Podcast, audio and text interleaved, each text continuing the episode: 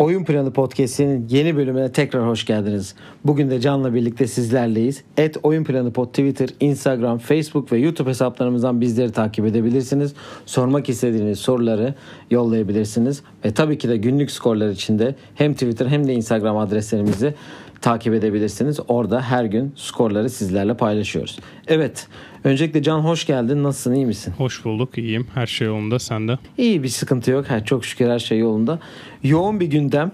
Geçen bölüm yaptığını biliyorum. Geçen bölümün başına o eklediğin özel kısmı bugün konuşacağız. Onu da atlamayalım. Evet yoğun bir gündem var. Bugün değişiklik olarak bir Ladies First diyelim ve Women NBA'den başlayalım. Women NBA'de normal sezon tamamlandı ve playofflar yarın akşam başlayacak. Orada sistem daha değişik olduğu için ilk başta tek maç üstünden ilerliyor biliyorsun. İlk tur ve ikinci tur olmak üzere. Ee, ve ilk dört takım üçüncü ve dördüncü sırayı alan normal sezondaki takımlar bir tur 1 ve 2'yi alanlarsa 2 tur bay geçerek başlıyor sezona.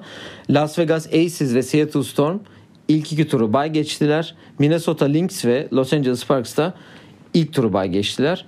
8. sıra ve 5. sırayı alan Washington'la Phoenix ve 7. ve 6. sırayı alan Connecticut Sun ve Chicago Sky tek maç üzerinden bir eleme sistemiyle e, yarın akşam başlıyorlar. ve burada da sadece konferans finalleri 4 maçlık seriler hatta 3 maçlık seriler olması lazım Evet, değil mi? Yanlış kazanıyor. hatırlamıyorsam. 3 olan kazanıyor. Evet orada da heyecan iyice artıyor biliyorsunuz o da IMG Akademi'de oynanıyor Florida'da. Dediğimiz gibi yoğun bir gündem. Hemen Bubble'a girdik. Hemen Bubble'a gidiyoruz. Ve senin geçen bölüm bölümün başında verdiğin ve bizim de aslında bölümde savunma beşleri açıklanıyor demiştik ama biz tabii ki de bir oyun planı klasiği olan yayın bittikten sonra açıklanan haberler kısmında yer alan en iyi savunma beşleri açıklandı. İstersen ben tekrar beşleri hatırlatayım. Ee, en iyi birinci beşte Rudy Gobert, Anthony Davis, Giannis Antetokounmpo, Ben Simmons ve Marcus Smart var. İkinci beşte de Brook Lopez, Kawhi Leonard, Bam Adebayo, Eric Bledsoe ve Patrick Beverly var. Evet senin yorumlarını merak ediyorum açıkçası. Ne düşünüyorsun ilk 2-5 hakkında? Bu 10 oyuncuda olması gereken niye burada olduğunu düşündüğün kimler var? Yani ilk 5'te zaten 4 tane pivot var. O yüzden diğer oyuncu da Marcus Smart yani pivot oynayabilecek oyuncular diyelim. Ben geçen bölüme bunları ekledim çünkü biz uzun bir ara vereceğimizi biliyordum. İkimizin de meşgul olmasından dolayı dedim şimdi hemen yayını atmadan önce 5'lerin üstünden konuşalım diye. Ben öyle çok e, çok bir sınav olduğunu düşünmüyorum. Sadece Drew Holiday'in iki takımdan birinde olmaması biraz fazla değişik geldi. Çünkü J.J. Redick zaten o bayağı Twitter'da isyan çıkardı da bütün oyuncular da c- guard olarak en iyi guard savunmacının birebir savunmacı olarak Drew Holiday olduğunu söylüyordu. Ben onun olmasını bekliyordum. Beni olmadığını tek şaşırtan şey oydu. Bir de 3 box'lı olması bana bir tık fazla geldi. Yani Chris Dunn, PJ Tucker, Kyle Lowry ve e, Jimmy Butler'da en fazla e, oy pozisyonlara göre 4 oyuncu. Ya ben tabii ki Houston olarak bir PJ Tucker'ı görmek isterdim açıkçası. PJ Tucker'ın olmaması bana aslında normal geldi. Çünkü hani Rockets'ın şey yok ya söyle adını. Hani savunma olarak takım savunması çok öne çıkmadığı için oradan da bir kişiyi seçip almak NBA oy verenlerin öyle yaptığı bir olay değil o yüzden. Ya bence de PJ Tucker'ın olması mantıklı olurdu ama işte baksan 3 oyuncu alınca tabii zaten geriye kalıyor. 29 takımdan 7 kişi ve tepeden de oyuncu aldıkları için Rockets'tan almamalarına biraz anlam verdim ama PJ Tucker'ın bireysel olarak savunmacı anlamında ligin en iyi 10 oyuncusundan biri olduğunu biliyoruz zaten. Ya zaten kendisine de sordular. Dediler ki hani bir sınav olmanın nasıl bir e, önemi var diye. Benim için hiç önemli değil. Bunu owner'lar ve koçum böyle düşünüyorsa benim için hiçbir sıkıntı yok dedi zaten. O da zaten bu işi nasıl diyeyim bir clear hale getirdi. Evet, e, senin e, bir önceki yayına eklediğin o kaçak yayın diyelim. nin ikinci haberi e, Billy Donovan Oklahoma City'ye geri dönmeyeceğini açıkladı. Oklahoma City'deki görevinden ayrılacağını zaten biliyorduk. Sözleşmesi bitmişti. İsmi de ciddi bir şekilde Chicago Bulls'la anılıyor. Koç haberi senin e, e, nasıl diyeyim uzmanlık alanı sen ne düşünüyorsun? Ya ben şimdi o yayını e, o kaçak yayını yaptığımda bir o haber hızlı çıktı diye direkt onu söyledim ama sonra Philadelphia konusunda da çok büyük bir aday olduğu dile getirildi. Özellikle işte yıldızlara biliyorsun zaten Durant'in son senesinde gelmişti. O takım başarılı olamayınca hani sonuçta iki süperstarın başına getirildi. Belirli kaç 7 sene kaldı yanlış hatırlamıyorsam. Şimdi Philadelphia'da öyle bir hamle yapmak isteyebilir. Ben eğer kendi istemediği sürece ya kendisi istiyorsa bir sene boş kalır. Ama teklifler bence iyi bir teklif bulup eğer hala koçla bu senede devam etmek istiyorsa ben bir teklif alacağını düşünüyorum. Ki şimdi Mike D'Antoni de boşa çıktı ona da geleceğiz. O yüzden bu koçlar eğer devam etmek istiyorlarsa bu sezon yani yeni bir takımla kararlarını biraz hızlı vermeleri gerekiyor Yani sanırım. çok Çünkü boşta takım var. playofflarda sona gelirken asistanların ismi de yüksek sesle konuşulmaya başlandı. Çok boşta takım var. Demin de söyledim. Hani Indiana şu an koçsuz, Philadelphia koçsuz, Oklahoma koçsuz, e, Houston koçsuz çok şükür. O konuya geleceğiz zaten. Şöyle şimdiden uyarıyorum dinleyicilerimizi. Bugünün en büyük konusu Houston Rockets kepazeliği, rezaleti olacaktır. Buna hiç merak etmeyin. Bu utancı hep beraber bu yayında konuşacağız. Evet. E, Valla Billy Donovan bence iyi böyle bir rebuild yapan takımda olabileceğini düşünüyorum. Chicago iyi bir aday. Ee, yani nasıl diyeyim Philadelphia'ya gitse Joel Embiid gibi Ben Simmons gibi iki süperstarla ne yapabilir? Orası belli değil ama Brett Brown'dan çok daha iyi iş yapacağı belli. Evet. Disney balonu konferans finallerindeyiz artık. Ee, Doğu'da Doğu finali belli. Boston Celtics Miami Heat oldu. Çok iyi bir 7. maç izletti Boston ve Toronto bize. Klasik 7. maçların biraz dışında 7. maç oldu aslında. Sayısı bol bir maç oldu. Miami zaten garantilemişti. Milwaukee'yi 5. maçta yenip seriyi 4-1 kazandılar. Ee, batı'da da Lakers Houston'ı geçti.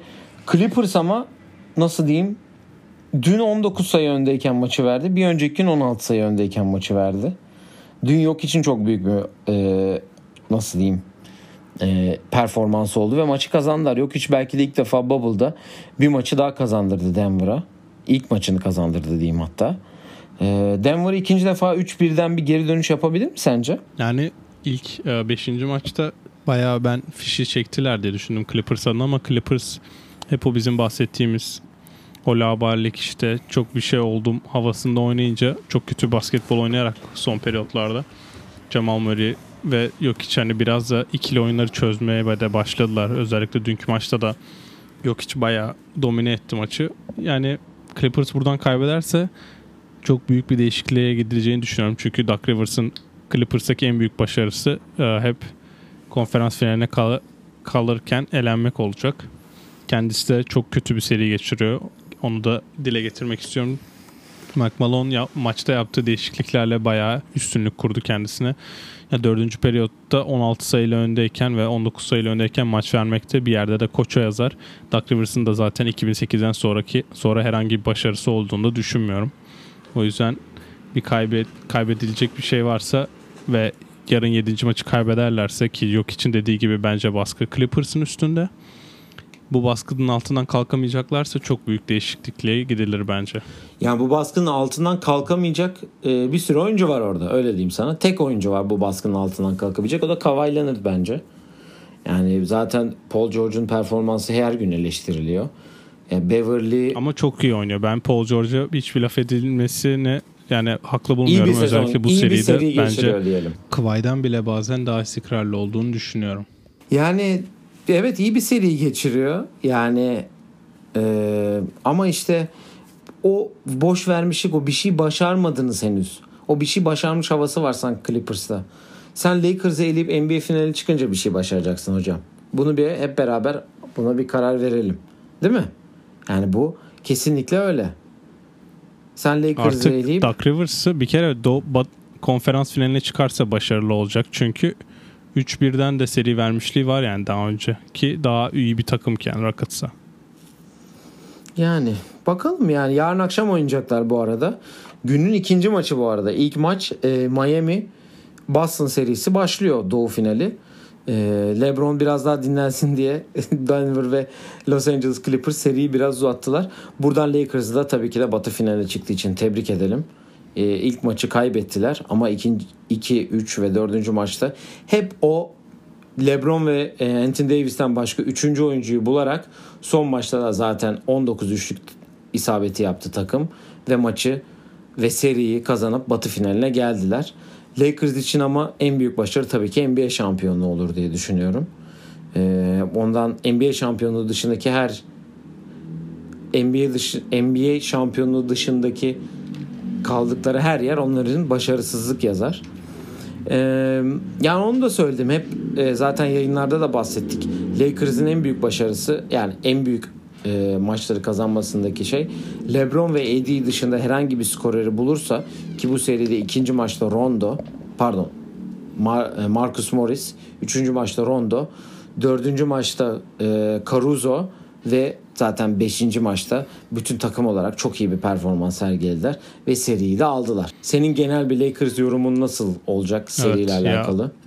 Rockets'a geleceğiz. Ya Rakıs'a gelince sen merak etme. O iş bende.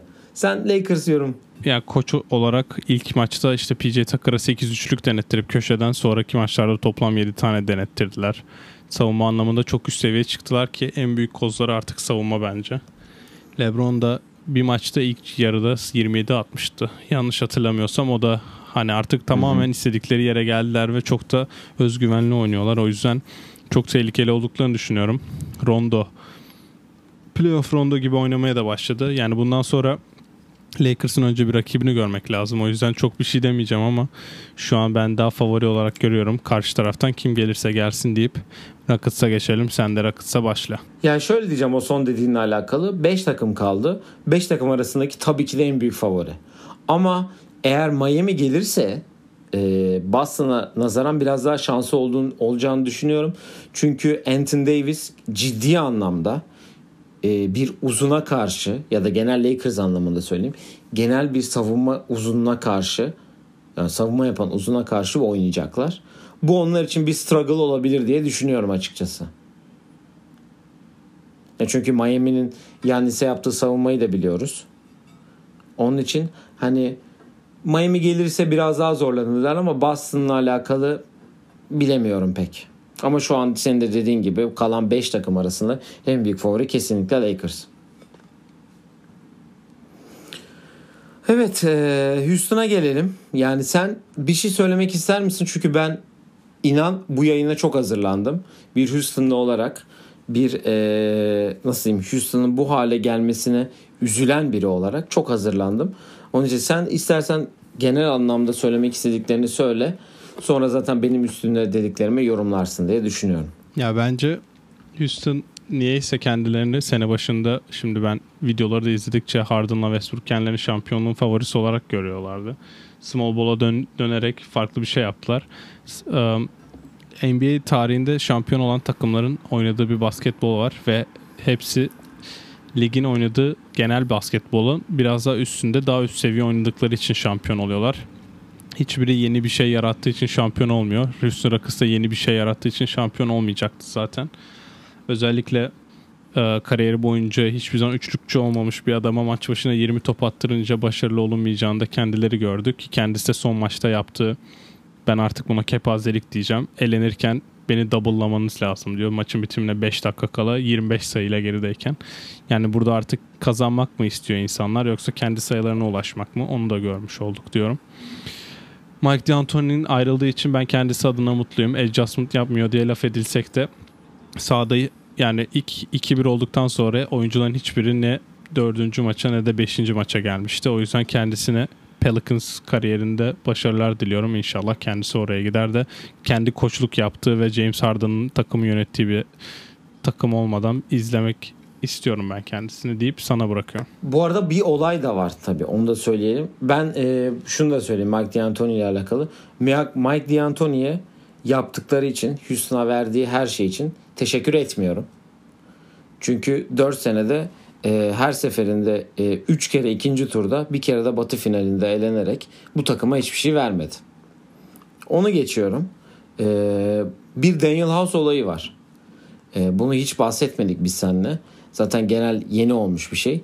E, Daniel House ikinci maç oynamadı. Neden oynamadı acaba falan diye konuşurken öğrendik ki Daniel House e, Covid testini yani bubble'ın içine Covid testi yapan bir hanımefendiyi odasına alarak e, bir e, kural çiğnedi ve bu kuralın da cezasını oynamayarak geçirdi. Ve hatta Bubble'dan şutlanarak hatta buna ben direkt şutlanarak diyeceğim. Çünkü bu tamamıyla hani nasıl dersten e, öğrenciyi atarsın ya da takımdan birini kovarsın. Aynen öyle oldu. Ve Daniel House'u e, Bubble'dan şutladılar. Yani bu bubble'ın içinde olmanızın sebebi tek bir şey. E, buranın bu korona virüsünün yayılmaması. Dışarıdan herhangi birine aileleri getirdikleri zaman bile e, belli bir karantina süresi var. Bu karantina süresi bittikten sonra oyuncularla konuşuyor ki Toronto'nun ailelerini tanıştığı videoları, Fred VanVleet'in kızının şeylerini falan da izledik hep beraber. Yani sen böyle bir şey yapıp bubble'ın içindeki hatta bubble dışından birinde aldığı söyleniyor.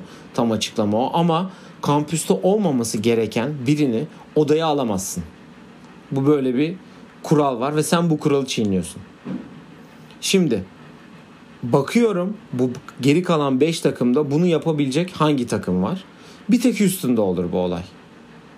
Yani bu sen diyorsun ya Houston kendi bir anda şampiyonluk adayı ilan etti diye.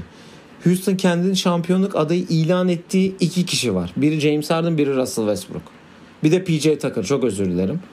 Yani bu Daniel House'un yaptığı tamamıyla cahillik, kepazelik ve yani anlamlandıramıyorum. Şu işi biraz ciddiye al kardeşim. Geri kalan ligde kaç tane takım var? Sen hangisinde ilk 5 oynarsın? Biz burada Daniel House'u da övdük. Bir önceki yayınlarda iyi de oynuyor dedik. Hem savunmada hem hücumda sorumluluk alıyor dedik. İyi bir parça oldu dedik. Ama bu yaptığı takımı da çok etkiledi. Ya görmüşsündür zaten. PJ Tucker bile röportajda ki Daniel'ın olmaması bizi çok etkiliyor. Ve son maçta gör herkesin surat 5. Mike D'Antoni yerinden kalkmıyor. Oyuncuyu yolluyorlar. Ve yani bu nasıl bir kepazelik ya? Ya buna kimse müdahale etmiyor mu? Ne koç ediyor, ne oyuncular ediyor, ne GM ediyor. Bu nedir yani? Sen bunu yapıyorsan senin ligin en az galibiyet alan takımından en organizasyonu kötü olan takımdan hiçbir farkın yok çok affedersin. Yani bu Daniel House olayı inanılmaz bir facia, bir fiyasko yani. Hani olayın ilerleyen günlerde daha detayını alırız zaten. Ama yani kardeşim biraz ciddiye al şu işi ya. Evet. Hakikaten ciddiye al ya. Kaç para para kazanıyorsun yani buradan. Senle baktık biz konuştuk yani sözleşmesine de baktık. Kim verecek bu parayı ona şimdi? Evlisin 3 tane çocuğun var. Ayıptır yani. Ben bu takımı çok büyük etkilediğini düşünüyorum. Ama Houston'ın genel sorununa geleceğim. Daniel House olayının dışında. Ben burada faturayı Daniel House'a %10 çıkardıysam geri kalan %90'lık bölümü Mike D'Antoni'ye, Darly Morey'e, James Harden ve Russell Westbrook'a böleceğim. Kesinlikle yani birazdan söyleyeceklerimden Robert Covington ve PJ Tucker'ı dışarıda bırakıyorum. Çünkü o ikisi gerçekten çok iyi bir bubble geçirdiler. Bu takımda kazanmayı gerçekten isteyen tek iki oyuncular. Çok ciddi anlamda bunu söylüyorum. Bunu da gösterdiler zaten. Yani haksızsam de ki haksızsın ya o da istedi falan da diyebilirsin yani. Ee, yani Russell Westbrook'ta James Harden'da hiç burada değiller. Hiç değiller. Ben şimdi e, Darly Mori'den başlayacağım en tepeden. Çünkü bu takımın bu e, nasıl diyeyim small ball'a geçmesindeki en büyük sebeplerden biri o olduğunu düşünüyorum. E, şöyle bir şeyle sen hani sen diyorsun ya maç içindeki olayları sıralamayı seviyorum falan filan diye. Ben de şöyle bir şey yaptım. Houston'ın e, trade deadline bitmeden önce yaptığı takaslara baktım. Bakalım bu kadro nasıl kurulmuş, kimlerden fedakarlık edilmiş diye.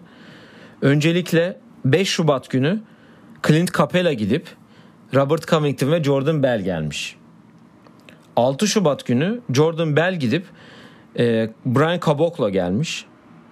20 Şubat'ta da Demar Carroll'la sözleşme imzalanmış. Sonra da Jeff Green'le zaten sezon sonuna kadar önce 10 günlük anlaşılıp sonra sezon sonuna kadar anlaşılmış. Şimdi sana burada kaç tane oyuncu saydım? 1, 2, 3, 4. Jeff Green'i dışarıda tutuyorum. 4 oyuncudan Rockets'ın en çok aradığı oyuncu kimdir? Bubble geneline baktığın zaman, Lakers serisine baktığın zaman daha doğrusu. Capella bence. Kesinlikle öyle. E small ball'a dönüşte gitti tabii o. Anthony Davis'in her maç 30 sayı atması, 25 sayı fazla atması. Capella senin 2017-2018 yılında en büyük silahın değil miydi? Evet. Chris Paul da asist yapıyordu. James Harden da ona asist yapıyordu. Senin savunmadaki Evet. pota koruyucun değil miydi? Zaten pota koruyucusu oynadıkları için bu duruma düştüler. Öyleydi. Evet. Yani sen yolluyorsun. Tamam Robert Covington'ı övdük. Evet hakikaten çok iyi iş yaptı. Sen Capella'yı da yolladın. Jordan Bell geldi. Jordan Bell Golden State'te evet hani şampiyonluk sezonunda çok fazla katkı verememiş olabilir. Ama bu sende bir katkı veremeyeceği anlamına geliyor mu? Jordan Bell'i denemediler ki yani şans bile vermediler oynatmak için. Adamlar Andre Iguodala ile Jay Crowder'la Giannis Antetokounmpo'yu tutuyorlar. Sen de Jordan Bell olsa belki Anthony Davis tutamaz mısın? Tutmayı geç en azından fiziksel olarak karşısına koyacak biri var, rakibi var. En azından zorlayacak bir, bir kişi daha var oyuncu yani. Yani bu inanılmaz bir kötü kadro kuruluşu. İnanılmaz bir kadro. O kadar kötü ki hiçbir small ball sistem demek ki seri sana kazandırmıyor. Şampiyonluk hiç kazandırmayacak. Kazandıramıyor da zaten görüyorsun. Bu saatten sonra başka umutta kalmadı. Evet NBA belki kısaların oyunu hakimiyeti altına girmiş olabilir. Evet doğru. Yani Westbrook'un zaten yıldız olduğu kadro nereye small ball şampiyon oldu? Yani kısaların oyunu olmuş olabilir. Ona da okeyim. Ama senin elinde minimum bir tane uzunun olması gerekiyor abi. Bak bir adet. Anladın mı? Robert Covington bu şeyde değil. Center pozisyonunda oynayacak. Rudy Gobert olsun. Anthony Davis olsun. Jokic olsun. Ya bak sana sayıyorum hep. Farkında mısın? Ibaka hani belki olabilir. Marc Gasol vardı belki de orada. Hani o da. Hep sayıyorum. Hep var. Her takımda var. Rockets'ta kim var? Bu saydıkların ekstrem ama hani Rockets'ta kimse yok. Hani Tyson Chandler var o da 50 yaşında. Ya sen Capella ile Batı finali oynadın kardeşim. 7. maçta 3 tane fazla soksan NBA finali oynayacaksın. Ve faturayı da orada Capella'ya kestiler yani. Ve sen Capella'dan bu kadar çabuk vazgeçiyorsun. Sanki Capella kaçırdı o üçlükleri. Ben de onu anlamadım zaten yani. Diğer arkadaşları Mike D'Antoni'yi zaten söylemiştim. Mike D'Antoni 3 kere ikinci turda bir kere Batı finalinde elenmiş. Ee, 17-18 hariç geri kalan zaten e, iki kere dördüncü bir kere üçüncü bitirmiş ilk geldiği sene. Mike D'Antoni'nin bence en büyük dezavantajı Jeff Bizdeli'yi kaybetmesi oldu ki Jeff Bizdeli'nin muazzam bir savunma antrenörü olduğunu da biliyoruz. Houston'da çok büyük işler yaptığını da biliyoruz. Onu da geçen sene Carmelo ile e, Jeff Bizdeli'nin arasının kötü olduğu için de Carmelo mu o mu derken Carmelo'yu tutuyorsun. Sonra Carmelo'yu salıyorsun. Jeff'i geri alıyorsun ama iş işten geçmiş oluyor yani. Orada hatasından dönmeye çalıştı da dönemedi bence. Yani D'Antoni üzerine çok fazla söyleyecek açıkçası bir şey yok. Ee, ben diğer iki arkadaşa geleceğim. Ee, Russell Westbrook'a geleceğim önce. Çünkü e, ya sakatlığın etkisi de var. Ona da okeyim. Ama e, bu son maçta yaptığı olay gerçekten yani artık söyleyecek hiçbir şey yok. İlk maçta da boş tribünlere bağırması. Yani yani sen NBA tarihinde hiçbir şey kazanmadan ayrılan bir oyuncu olmak istiyorsan bu hareketlere devam edebilirsin. Ama senin eline böyle bir şans gelmiş. Houston'da oynuyorsun. Yanında çok büyük bir skorer var normal sezonda. Bu arada ona da geleceğim. Bundan sonraki şey zaten o. Hani bir şey yapın ya. Yapın ya. Gerçekten yapın çünkü yazık olacak böyle. Performansınıza, çabanıza, her şeyinize yazık olacak. Yani bel- belki sakatlığından dolayı böyle bir haldesin. Okey onu da anlıyorum. Evet Bubble'ın yani zaten tam oturmuşken bu korona olayı girmesi üstüne şeyken hani bu işe bir çözüm bulmaları gerektiğini düşünüyorum ben. Russell Westbrook'un başta olmak üzere. Nasıl olacak? Harden'la eski Oklahoma günlerine baksınlar. Nasıl oynamışlar? Nasıl başarılı olmuşlar? Evet Harden belki oyuncu değil ama ikisi için de bunu söylüyorum. Oraya dönsünler ve baksınlar. Desinler ki biz aa böyle yapıyormuşuz. Şöyle yapıyormuşuz. Yani buradan Harden'a geçeceğim en son. Hani ben ona yeni bir lakap taktım. MVP deniyor. Hani MVP oldu. Benim MVP'm çaldılar. Ben ona playofflar için özellikle playoffların MVP'si yani Most Vanished Player demek istiyorum. Kayıp. İlk maç var. Sonraki dört maç ortada yok. Ve bu daha önceki serilerde de özellikle Oklahoma serinin bazı maçlarında ve daha önceki senelerdeki serilerde de zaten bunu gördük. Kayboluyor abi adam. Yok bitiyor. Normal sezonda her şeyini veriyor. Sonrası yok. Demek ki pandemi boyunca yaptığı idmanın hiçbir ama hiçbir önemi yokmuş. O öyle dedik şöyle idman yaptı yok işte e, zayıflamış da bilmem ne. E abi neredesin? Sana double team geliyor diye küsüyorsan oynamayalım. Damian Lillard'a double team geldi. Her maç 50 sayı attı abi adam. Ya da Devin Booker'a normal bir scrimmage'da idman şeyinde double team yapıyorlar diye laf edildi şey oldu. Phoenix 8'de 8 yaptı abi. Sana da geliyorlarsa dışarıyı bul. Ama yanına parça lazım bunlarda. Yani bu öyle bir şey ki bu Rockets'ın 4 senedeki başarısızlığı ilk seneyi hadi geçtim. Yanındaki parça da yoktu ama 2 sene Chris Paul'la 1 sene Russell Westbrook'la bu bir başarısızlıktır. Ha şimdi önümüzde ne mi olacak?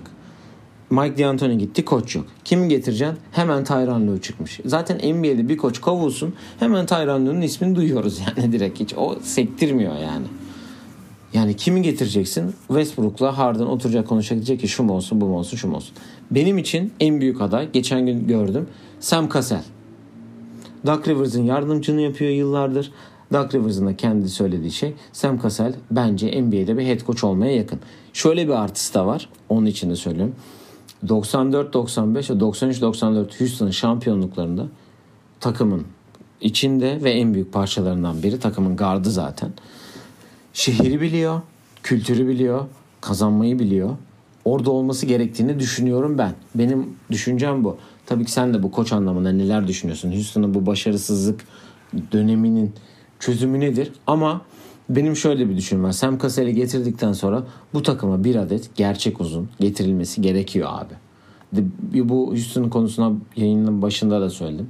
Bir tane uzun olacak abi.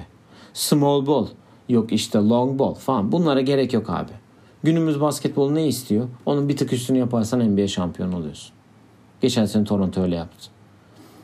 Ya bu kadar basit bir olay. Bu sene LeBron ve AD dışında sen 3. skoreri buluyorsan Lakers'ta al böyle seni 4-1 ile geçiyorlar. Şu anda şampiyonun en büyük favorisi.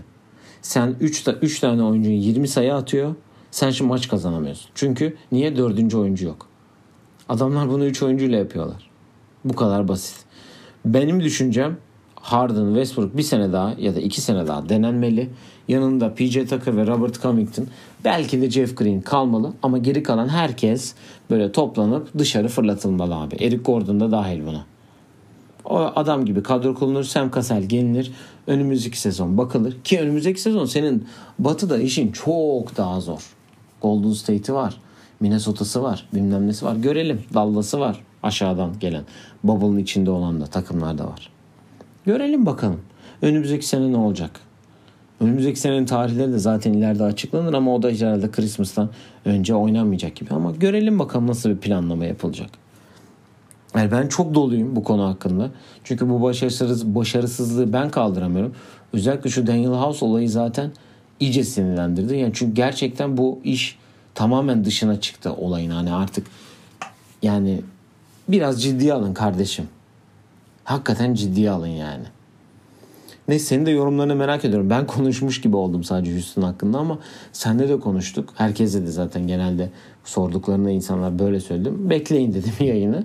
Yayında ben her şeyin ne varsa ne şeyse hepsini çıkaracağım dedim zaten. Senin düşüncelerini tabii ki de merak ediyorum açıkçası.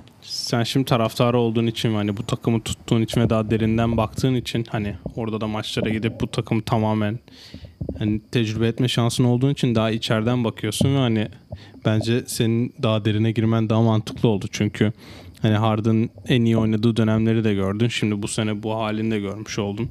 Ya ben senin dediklerine katılmadığım tek konu Mike D'Antoni'nin hani hiç hiçbir şey yapmadı demeyeceğim de biraz bir tık başarılı olduğunu düşünüyorum. Çünkü bu takım nereden baksam bir kasık atmasında yüzünden NBA finaline belki NBA şampiyonluğunu kaçırdı o yüzden. Yani sen birine hiç hayatında e, batı finali görmemiş bir takımın sonuçta bir sistemle getirip batı finaline kadar 7. maça kadar çıkarttın ve NBA tarihinde olmamış bir şeyden dolayı elendin. Yani 27 üçlük hiç kimse kaçırmadı bir maçta arka arkaya. O yüzden yani ben bir koç olarak kendimde bir koç olarak düşündüğüm için Mike D'Antoni'ye faturanın biraz fazla yüklenildiğini düşünüyorum. Ancak senin kadro yapısından ve kadro kurulumundan dolayı ben artık ona hiçbir görev verilmediğini ve Daryl Morey'in tamamen kendi istekleri ve kendi istatistiksel verilere dayanarak kurduğu kadro yüzünden bu sonuca varıldığını düşünüyorum. Sonuçta da biz kısa oynarsak daha fazla üçlük atarsak başarılı olacağız kısmına gelindi ve sonunda NBA tarihinin en kötü üçlük atan guardlarından biriyle bir sistem oynandı. ve bunun yanında da senin dediğin gibi playoff'ta kaybolan biriyle birlikte çok yani bence rezil oldular. Bunu söylemek bence abartı olmaz. Çünkü ilk maçta galip geldikten sonra 4 maçı arka arkaya hiç mücadele etmeden hele 2-1'den sonra koy, ortaya koydukları mücadele cidden utanç verici bir rakıslı izleyici olarak hani senin gör, izlediğini ve çektiğin acıyı düşünebiliyorum. Yani Harden hakkında bence artık NBA tarihinde kendine çok özel bir yer açabilecekken yani Nowitzki gibi bir e, yıl geçirmesi gerekiyorken bence artık o tren kaçtı ve bundan sonra işte hiç yüzük alamayan ve NBA'de başarılı olabilecek bir takımın süper yıldızı olabilecek konumdan kendi adını tamamen kendisi sildi. Onun geleceğini hani senin dediğin Sam Cassell gelirse bir yıl daha böyle birlikte denenirse okey ama hani sen şimdi diyorsun bir pivot alınsın. 2020 free agency'sinde öyle çok iyi bir pivot yok. Elinde takas edilecek bir durum da yok. O yüzden ya ben bilmiyorum nasıl bir yol izleyecekler ama Sam Cassell mantıklı geliyor. En azından hani senin de saydığın nedenlerden dolayı Rockets'a gelebilme şansı işte Doug Rivers tarafından pushlanması ve işte şampiyon olmuş olması ama Daryl Morey kalacak mı? Daryl Morey kalırsa ona uzun oynattırmayı kim ikna edecek? Ben orayı çok merak ediyorum. Bence göreceğiz ama işte ya sen yeteri kadar söyledin. Rockets'ta ben artık bundan sonra çok başarılı bir dönem olabileceğini düşünmüyorum. Deyip Rockets'ı kapatalım. Doğu'ya geçelim. Doğu'da da senin Doğu finali tahminini alayım. Yani bu kadar Houston ve Batı finali şey yeter. Doğu'ya geçelim. Ee, Doğu finali tahminim hmm, yani 6 maç bekliyorum. Ee, olur diye düşünüyorum. Çünkü çok iyi bir Doğu finali izleyeceğimizin ona kesinlikle eminim. Hangisi çıkarsa hiçbir zaman demeyeceğim ki şu daha fazla hak et. Yani şunu daha fazla isterim de diyemem.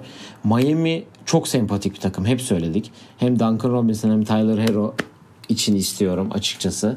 İkisi için de çünkü e, ikisini de sevdiğimi zaten yayını dinleyen arkadaşlar da anlamışlardır. Öbür tarafta da evladım Tatum var.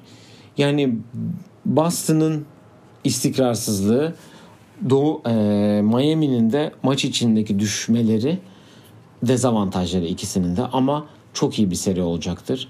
Bir tarafta Tatum, bir tarafta Jimmy Butler, bir tarafta Jalen Brown, diğer tarafta artık Duncan Robinson mı, Tyler Hero mu, Gordon Dragic mi, Bam Adebayo mu artık göreceğiz. Benim tahminim belki Miami'yi bir tık daha önde görüyor olabilirim. Belki de Miami istediğim için ama tabii ki de Boston Lakers olursa eğer finalinde hiçbir türlü e, yadırgamam. Beni lise dönemlerime 2009'a 2010'a pardon 2008'e ve 2010'a geri götürür. Bir klasik final biz de izlemek isteriz. Yani özellikle Lakers için bu e, denli önemli senede Kobe'yi de anma adına bir Boston Lakers finali olsun. Tabii ki ben de isterim ama Miami olsun. Biraz daha zor olsun Lakers için diyelim. Ya bu seriye gelmeden önce ben bir Boston'ı yani nasıl diyeyim tebrik edeceğim ama ya 3-0'a gelmeye nokta 5 saniye kala seriyi uzattılar. Toronto geçen senenin şampiyonu olduğunu karakteriyle gösterdi Boston. Son maça kadar bence çok iyi tepki verdi. Ay pardon. Son maça kadar hiç tepki gösteremedi bence.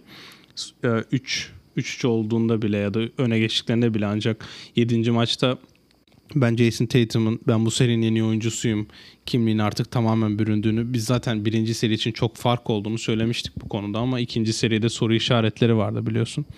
Bence bunu tamamen Jason Tatum zaten ortadan kaldırdı. Yani sazı eline aldı ve en iyi oyuncu olarak takımını galibiyeti taşıdı. Ya ben bunu bir sonraki seride de yapmasını bekliyorum ancak ligin MVP'si ve en iyi savunma oyuncusu Yanis'e karşı Miami neler yapabileceğini gördük bu konuda.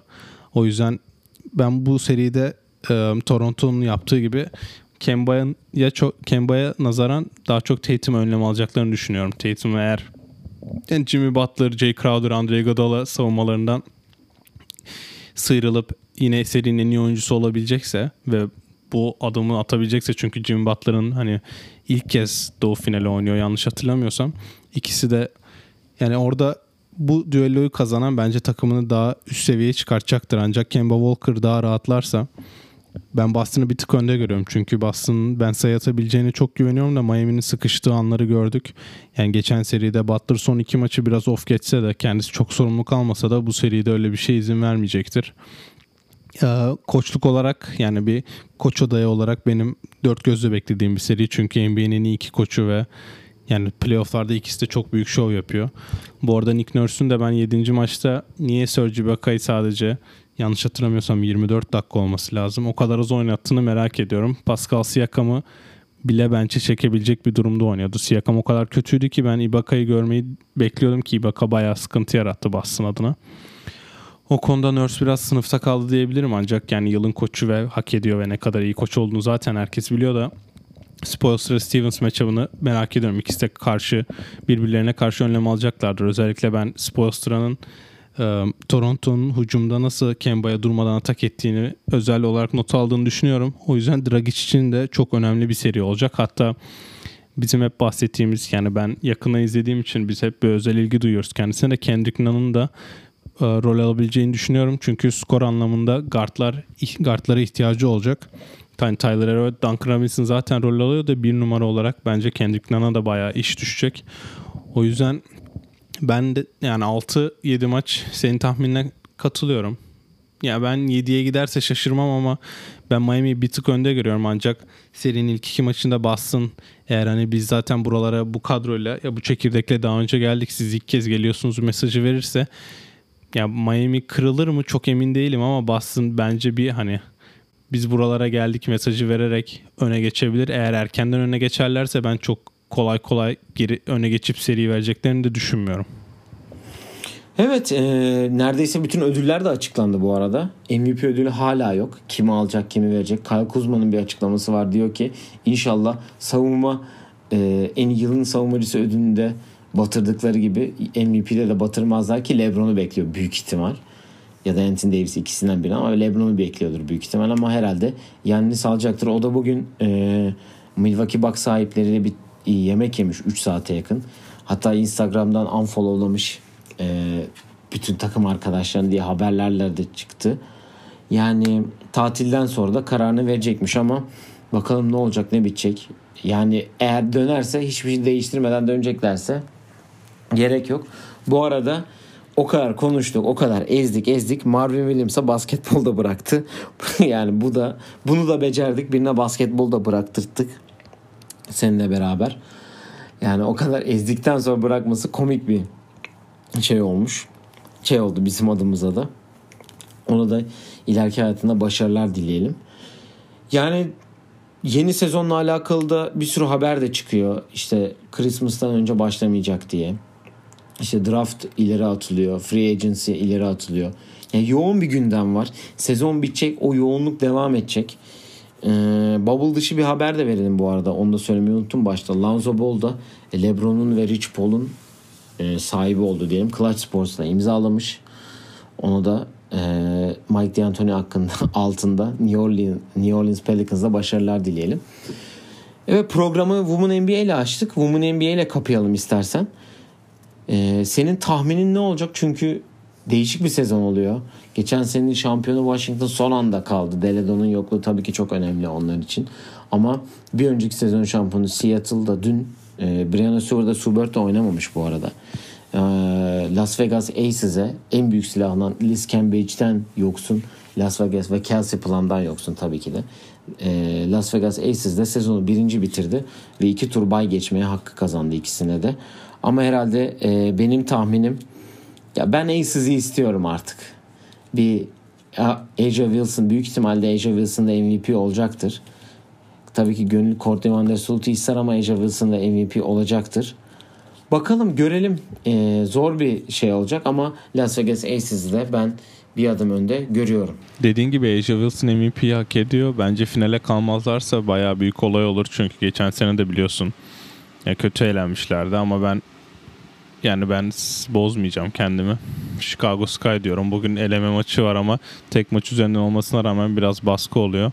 Onu geçince belki biraz daha rahatlarız diye düşünüyorum. Evet e, demin de söyledik konferans finalleri yarın başlıyor. Yarın ilk maçı 1.30'da e, Boston Miami ile başlayacağız. Sonra da Batı finalinin 7. maçı olan e, Denver Clippers'ı. Bakalım Denver bir e, şeyden daha dönebilecek mi? Bir kere daha 3-1'den daha dönüp Batı finali yapacak mı? Ve Denver'da e, bütün Houston'a da herkese de böyle tokatı vuracak mı? Bir Houston'lar oturup izlesinler şu Denver'ı. Bakın nasıl oynanıyor. Bakın nasıl yürekli oynanıyor. Bir görsünler. Dünün ilk, yarın ilk maçı 1.30'da Miami, Boston. Sonra da 4'te Türkiye saatiyle sabah karşı 4'te Denver Clippers'la oynayacak. Ve sonra da zaten eee ikinci maçı da Perşembe günü oynanacak ki Cuma günü de Batı finali başlayacaktır diyelim. Eklemek istediğin herhangi bir şey yoksa bugünlük burada bitirelim.